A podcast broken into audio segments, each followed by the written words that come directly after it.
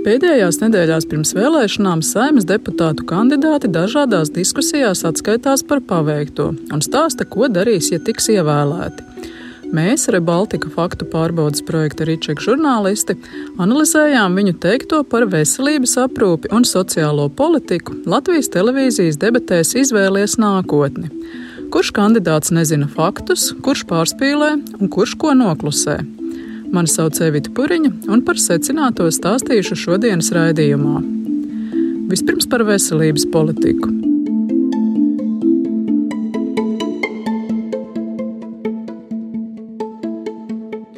Debatēs piedalījās 11 partiju kandidāti. Vairākus diskutablus apgalvojumus konstatējām Zaļo un Zemnieku savienības kandidātes ģimenes ārstes Līgas Kozlovskas teiktajā. Viņa, piemēram, uzsvēra, ka partija nekad nav atbalstījusi valsts obligāto veselības apdrošināšanu. ZZS nav bijis nekad par obligāto veselības apdrošināšanu, un tas nav uh, mūsu ZZS, uh, jāsaka, priekšlikums, tas ir ja, jaunās vienotības priekšlikums, un arī patreiz mēs esam par finansēšanu no valsts budžeta veselības aprūpei. Tā nav tiesa. Atgādināšu, ka obligātā veselības apdrošināšana paredzēja ieviest divus veselības aprūpas pakalpojumu grozus. Neatliekamā palīdzība un citi pamata pakalpojumi pienāktos visiem, bet pārējie tikai tiem, kas maksājuši sociālās iemaksas. Lai gan ideju virzīja arī jaunā vienotība, attiecīgu likumu iepriekšējā saima pieņēma laikā, kad valdību vadīja ZZS premjers Mārs Kučīnskis Arī veselības ministre toreiz bija no ZZS Anda Čakša, kas vēlāk pārgāja uz jauno vienotību. Turklāt par obligāto apdrošināšanu, jeb divu grozu sistēmu, balsoja arī pati Līga Kozlovska, toreiz saimnes deputāte. Jautājām viņai, kāpēc tagad saka, ka partija vienmēr bijusi pret. Tas bija pēdējais 17. un 18. gads, kad es arī biju saimas deputāte un pēc ļoti smagām diskusijām, lai vienkārši dabūtu finansēšanas likumā šo um, galveno iespēju palielināt algas, mediķu algas par 20%, mēs gājām mirkli uz kompromisu. Kā zināms, obligātā veselības apdrošināšana tā arī nestājās spēkā, jo šī saima to atcēla. Divu partiju pārstāvis debatēs daudz kritizēja valdības rīcību pandēmijas laikā. Aiga Rodberga no Latvijas pirmajā vietā. Reāli atlaižam cilvēkus no darba. 62,000 atlaižam no darba tikai tāpēc, ka viņi nav vakcinējušies, un pie tam kāda daļa no viņiem ir arī mediķi. Patiesībā valstī nav datu par nevakcinēšanās dēļ atlaisto cilvēku skaitu. 62,000 ir to pērn decembrī nodarbināto skaits, kam tolaik nebija Covid certifikāta. Nav zināms, cik no viņiem tomēr savakcinējās, cik tika atstādināti uz laiku, bet cik tiešām zaudēja darbu. Taču nodarbinātības dati rāda, ka bezdarbnieku skaits pēc prasības stāšanās spēkā auga nedaudz. Turklāt lielākā daļa jauno bezdarbnieku bija vakcinēti. Covid skeptiķu aprindās populārus mītus atkārtoja arī Solvita Zvidriņa no Alde Gobzem partijas katrai un katram. Gribētu minēt arī to, ka ir jāpaskatās, kur mēs arī esošo naudu tērējam. Piemēram, ja mēs nopērkam gultas ar zelta kājām, bet neiedodam personālam, medmāsiņām algu, ja, nu tad ko tad mēs guļam gultā un eh, domājam, ka mums izārstēsies viss? Ja?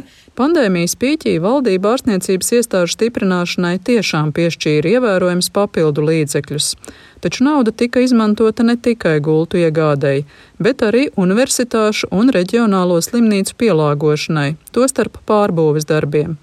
Vai nedēva naudu medmāsu algām? Nav taisnība. Mediķu algu celšanai pēdējos gados papildus piešķirti 364 miljoni eiro. Tiesa, atšķiras viedokļi, cik lielā mērā atalgojums paaugstināts.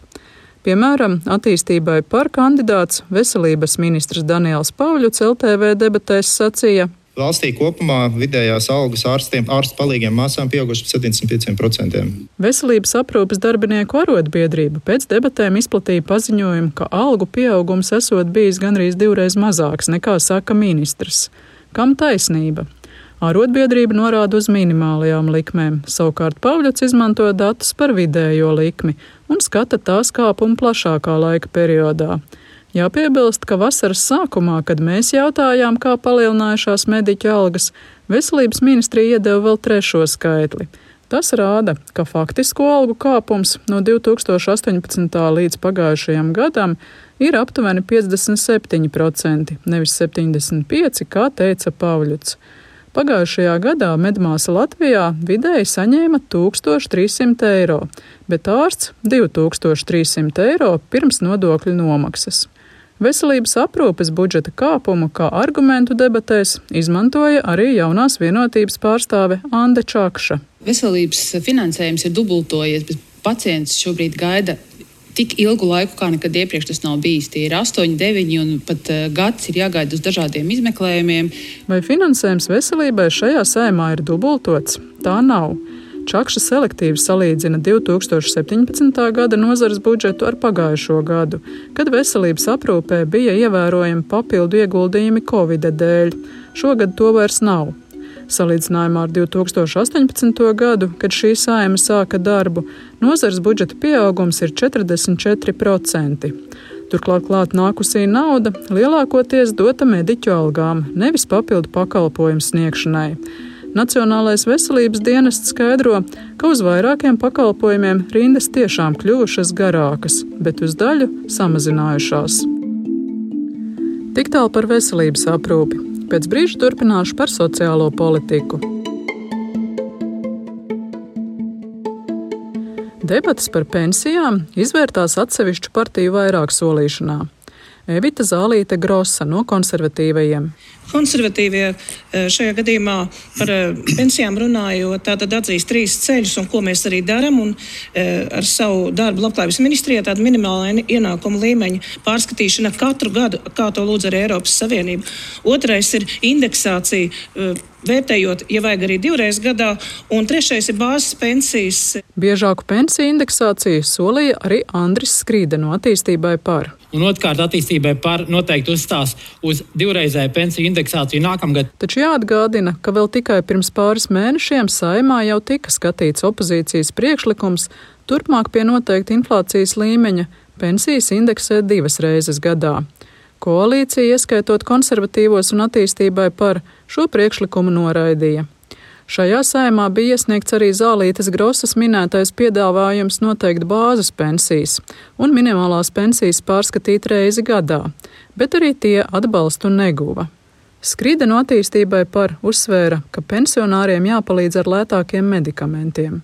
Ko es redzu no PVN eh, un arī ikdienā reāli Senioriem viena trešdaļa, pat reizēm puse no uh, savas pensijas aiziet zāļu apmaksai, un te ir jāsāk ar PVN samazināšanu zālēm. Deputāts un ārsts Skrīde atsaucās uz personīgo pieredzi, ko pārbaudīt nav iespējams, taču statistikas datiem viņa novērotais neatbilst. Tie liecina, ka pensionāru veselības aprūpei kopumā tērē aptuveni 14% no saviem izdevumiem. Divas galvenās izdevuma pozīcijas ir pārtika un mājokļa izmaksas. Tām pensionāri velta attiecīgi 31,5% un nepilnus 22% izdevumu. Opozīcijas partijas, kā Allaž uzsvēra, ka valdošie politiķi neko nedara, lai pensionāriem palīdzētu.